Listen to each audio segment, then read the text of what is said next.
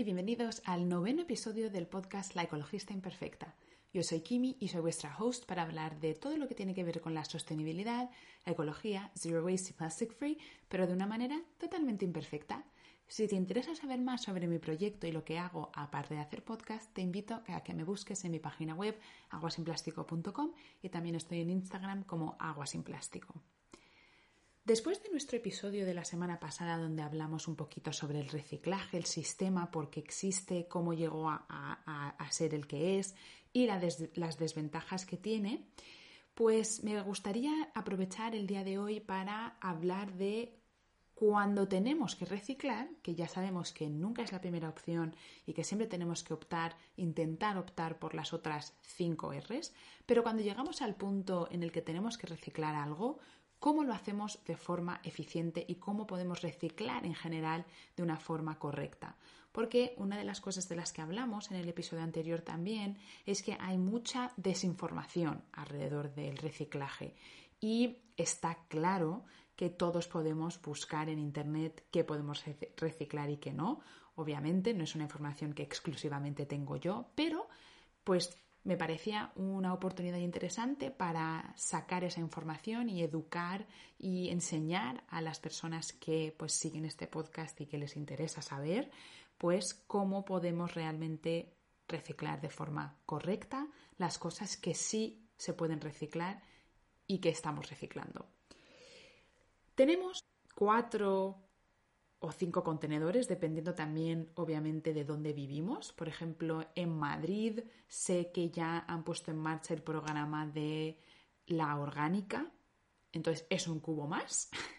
En Valencia no sé si todavía está, me parece que no.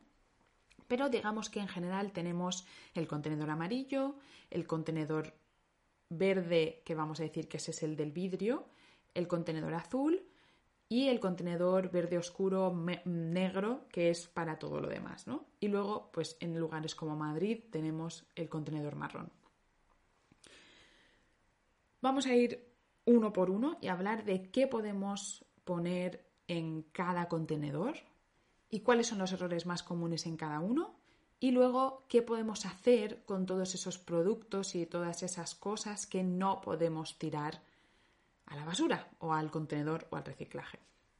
Vamos a empezar con el contenedor amarillo. Si escuchaste el episodio anterior, pues te sonará que hablé un poquito de esto, pero vamos a recordarlo por si acaso no escuchaste el episodio anterior.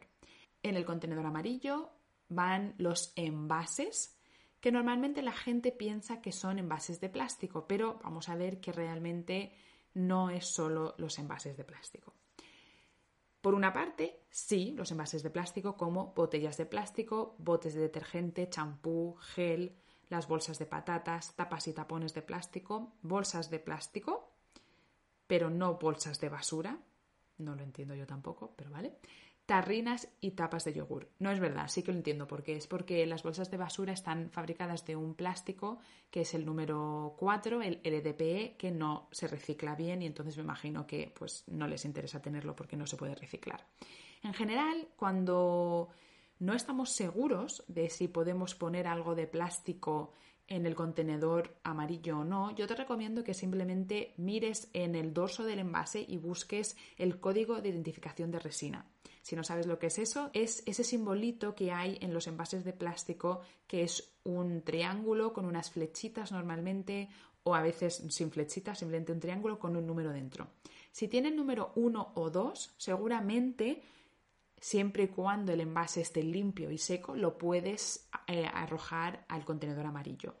El plástico 1 y el plástico 2 se reciclan bastante bien y se acepta en los contenedores amarillos como reciclaje. Y si es cualquier otro número del 3 al 7, no se va a reciclar porque no hay procesos para reciclar ese tipo de plásticos. Entonces te recomiendo o que los reutilices para otra cosa, eso sería lo ideal, y si no, pues desgraciadamente tiene que ir al contenedor de restos. No puede ir al contenedor amarillo porque no se va a reciclar. Es plástico, pero al ser un plástico no reciclable, pues da igual que lo metamos en el reciclaje, obviamente no se va a reciclar. Ok, continuamos para bingo. Los bricks. Mucha gente piensa que el brick, al tener la parte de fuera de cartón, va al cartón, pero el brick realmente es un producto que está fabricado de cartón por fuera, de plástico por dentro e incluso una capa de aluminio. Entonces es un producto completamente mixto y bueno, pues va al contenedor amarillo porque así lo ha decidido Ecoembes y ellos pues reciclan este tipo de productos. Realmente yo no entiendo por qué eh, se pone tanto énfasis en los bricks y que son súper guays y súper ecológicos. O sea, realmente es un producto que está fabricado de tres materiales diferentes y reciclarlos realmente es muy difícil porque tienes que separar todos esos materiales. Pero bueno, ahí es donde van los bricks al contenedor amarillo.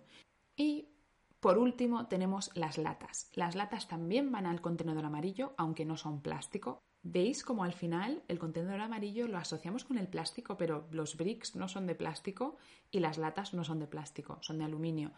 La cosa buena del aluminio es que se puede reciclar un infinito número de veces.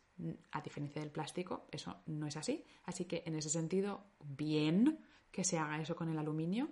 Las latas que tenemos al contenedor amarillo, lo más eficiente es aplastarlas, si son latas de refresco, porque eso va a permitir que eh, no se vuelen si caen al suelo en cualquier momento, porque pesan más al ser más densas cuando las aplastamos. Y luego también permitimos que eh, quepen más cosas dentro del contenedor, que significa que hay que hacer menos viajes, con lo cual el camión contamina menos. ¿Tiene sentido? Pero muchísimas personas tienen dudas acerca del contenedor amarillo, qué va, qué no va, y entonces muchísimas personas tiran cosas que no van. Al contenedor amarillo no podemos tirar cosas como juguetes de plástico, biberones y chupetes, utensilios de cocina y los cubos de plástico. Desgraciadamente, esas cosas van al cubo de restos, porque seguramente están fabricados de cosas que no se pueden reciclar. ¿Es así? Ok, lo siguiente vamos a ver el contenedor azul, que es para papel y cartón. ¿Qué tipos de cosas podemos echar al contenedor azul? Bueno, pues revistas, periódicos viejos, cajas de cereales, cajas de zapatos, papel de envolver y cuadernos. Eh, siempre tenemos que intentar plegar muy bien las cajas que metamos en, estas, en estos contenedores porque eso va a hacer que quepen más cosas, porque obviamente si yo tiro una caja que está sin plegar, hay un montón de espacio negativo allí que no se va a aprovechar eh, y entonces se va a llenar mucho antes el contenedor y entonces va a tener que pasar el contenedor mucho más a menudo porque se llena antes. Entonces siempre intentar plegar muy bien las cajas para que no ocupen más espacio del necesario.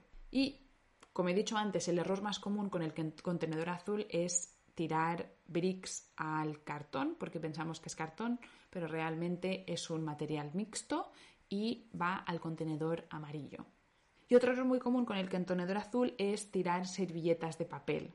Pero las servilletas de papel normalmente, si no, no las tiraríamos, están contaminadas con comida, con lo cual no se puede tirar al contenedor azul. Tendría que ir al contenedor de restos o a la orgánica, si tienes orgánica en tu ciudad, o si tienes compostadora, si haces compost, ahí es donde puedes tirar tanto el cartón, todo el cartón eh, y todo el papel lo puedes tirar a la compostadora. O sea que si tienes compost, mucho mejor que tirarlo al reciclaje, te lo aseguro. Obviamente estos son solo algunos ejemplos de cosas que podemos tirar al contenedor azul, porque realmente cualquier cosa que sea de papel o de cartón podemos tirarlo al contenedor eh, azul y se va a reciclar. Cajas que nos envían de Amazon o de cualquier tipo de pedido que normalmente vienen en cajas de cartón, eso lo único es muy importante que quites muy bien el celo y cualquier tipo de etiquetado que lleve la caja y obviamente que la desmontes y la pliegues. El celo y las mm, etiquetas no son papel, eso no se puede reciclar, eso habría que separarlo y tirarlo al contenedor de restos. Pasamos al contenedor verde, al del vidrio. Aquí esto es sencillo, el vidrio y el cristal no son lo mismo. Si tienes un espejo, una bombilla, ese tipo de cosas, eso no va al contenedor del vidrio. De hecho, si os fijáis, el contenedor del vidrio es así como cónico, es como un semicírculo y normalmente el agujero para poner las cosas es pequeñito, porque realmente las cosas que van en el vidrio son cosas como tarros, botellas, frascos, ese tipo de cosas, siempre sin la tapa, ¿vale? La tapa no es vidrio y no va en ese contenedor. La cosa buena del vidrio es uno de mis materiales favoritos porque es un material inerte, que eso significa que no lixidia ningún tipo de material tóxico para nuestra salud, que además se puede reciclar infinitas número de veces. De hecho, un gran porcentaje de la materia prima que se utiliza para fabricar vidrio a nivel global es de origen reciclado. Casi no se produce eh, vidrio virgen, lo cual es maravilloso. Y además realmente los sistemas de reciclaje funcionan muy bien y es un sistema bastante eficiente. Como todo, no es perfecto, pero se recicla un porcentaje muchísimo mayor que el plástico. Y además, como hablamos en el episodio sobre los plásticos, sobre la toxicidad de los plásticos, la tasa de abandono de un producto de plástico es mucho mayor que la tasa de abandono de un producto de vidrio. La probabilidad de que yo me deje por ahí un producto o un envase de vidrio es muchísimo menor que uno de plástico. En general, para mí, un material que deberíamos utilizar más, entiendo que tiene la desventaja de que pues, se rompe y además que pesa más que el plástico, pero si podemos utilizar vidrio siempre va a ser mejor.